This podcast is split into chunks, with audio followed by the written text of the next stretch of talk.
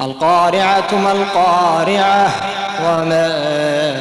أدراك ما القارعة يوم يكون الناس كالفراش المبثوث وتكون الجبال كالعهن المنفوش فأما من ثقلت موازينه فهو في عيشة راضية وأما من خفت موازينه فأمه هاوية وما أدراك ما هي نار هامية